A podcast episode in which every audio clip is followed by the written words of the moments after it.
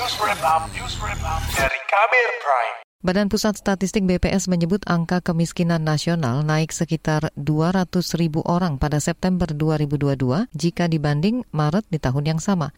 Kenaikan angka kemiskinan ini jadi pekerjaan rumah pemerintah.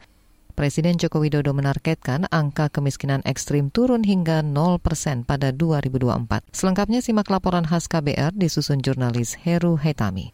Presiden Joko Widodo memerintahkan para kepala daerah menekan angka kemiskinan ekstrim. Selain itu, Presiden juga menginginkan kepala daerah memeriksa kembali data kemiskinan ekstrim di wilayah masing-masing. Sebab pemerintah menargetkan bisa mengurangi angka kemiskinan ekstrim hingga 0% pada 2024. Ini disampaikan Jokowi saat Rakornas Kepala Daerah se-Indonesia 2023 di Bogor, Jawa Barat pekan lalu. Menurutnya, saat ini ada 14 provinsi yang angka kemiskinannya tinggi, antara lain Papua, Papua Barat, dan Maluku. Padahal kita tahu target kita di 2024 kemiskinan ekstrim ini harus berada pada 0 persen. Ini target yang tidak mudah. Jokowi menyerukan kepada para kepala daerah secepatnya membuat langkah guna mengurangi angka kemiskinan di wilayah masing-masing. Presiden menginginkan program bantuan untuk warga miskin bisa disalurkan dengan lebih tepat sasaran. Semuanya sudah ada datanya. Targetnya siapa, sasarannya siapa sudah ada semuanya. Penanganannya seperti apa, intervensi apa yang harus dilakukan. Semua Pemda sudah tahu apa yang harus dilakukan. Pada kesempatan yang sama, Menteri Koordinator Bidang Pembangunan Manusia dan Kebudayaan Menko PMK Muhajir Effendi menargetkan kemiskinan ekstrim bisa berkurang hingga satu persen sampai akhir 2023. Kita sekarang berada di dalam posisi 2,04 persen. Tahun 2023 ini kita harapkan kita akan berada di posisi paling tidak 1,04 persen, sehingga pada tahun 2024 kita harapkan kita mendekati atau syukur-syukur bisa betul-betul 0 persen. Karena itu tugas kita pemerintah daerah dan sama-sama kita bagaimana betul-betul mengejar ketinggalan supaya kemiskinan ekstrim tahun 2023 itu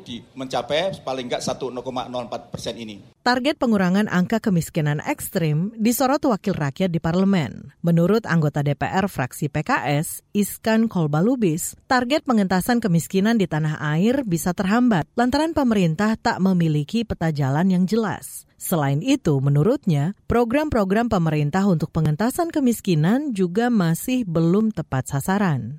Jadi ke depan harus pemberdayaan. Kecuali memang yang sudah lansia, sudah tidak mampu. Ah, itu memang di situlah tugas negara kan. Nah, kalau yang kita subsidi masih mak-mak masih muda, maka ke depan itu program itu harus diberhentikan, diganti dengan program pemberdayaan untuk mak-mak yang umur 40 tahun itu ya, misalnya pendamping penerima PKH masih ada umur 35 tahun, 40, masih muda-muda mereka. Kita bisa berdayakan. Pun demikian dengan Badan Pusat Statistik BPS yang menyebut sulit mencapai target 0% kemiskinan ekstrim dan 7 persen kemiskinan di 2024. Kepala BPS Margo Yuwono beralasan angka kemiskinan di Indonesia masih besar. Dia mencatat pada tahun ini angka kemiskinan mencapai angka 9,5 persen. Sedangkan untuk kemiskinan ekstrim berada di angka 2,04 persen. Kalau lihat dari slupnya, dari tren data, sepertinya agak sulit untuk mencapai di angka 7 persen, maupun kemiskinan ekstrim dari 2,04 di tahun 2022 ke 2024 menjadi 0 persen. Kalau lihat tren datanya, sulit rasanya. Kepala BPS Margo Yuwono memerinci persentase miskin ekstrim menjadi tidak miskin ekstrim sebesar 2,91 persen. Ini menunjukkan keberhasilan pemerintah menanggulangi kemiskinan ekstrim. Namun, jumlah angka kemiskinan ekstrim tetap dari 2021 hingga 2022, yakni 0,70 persen. Sedangkan data masyarakat miskin pada Maret 2022 justru bertambah 2,06 persen jika dibanding Maret 2021.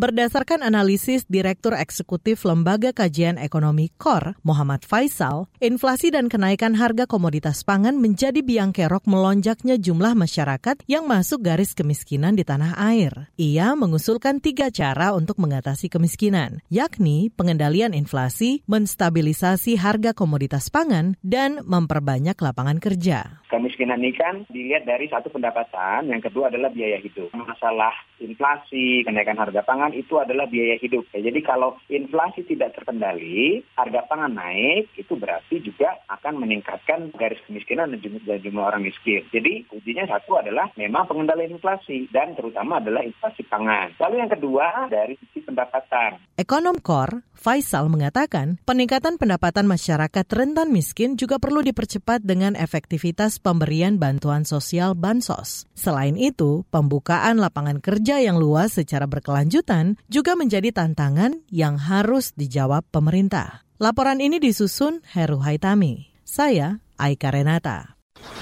Kamu baru saja mendengarkan news wrap up dari Kabel Prime. Dengarkan terus kabelprime.id, podcast for curious mind.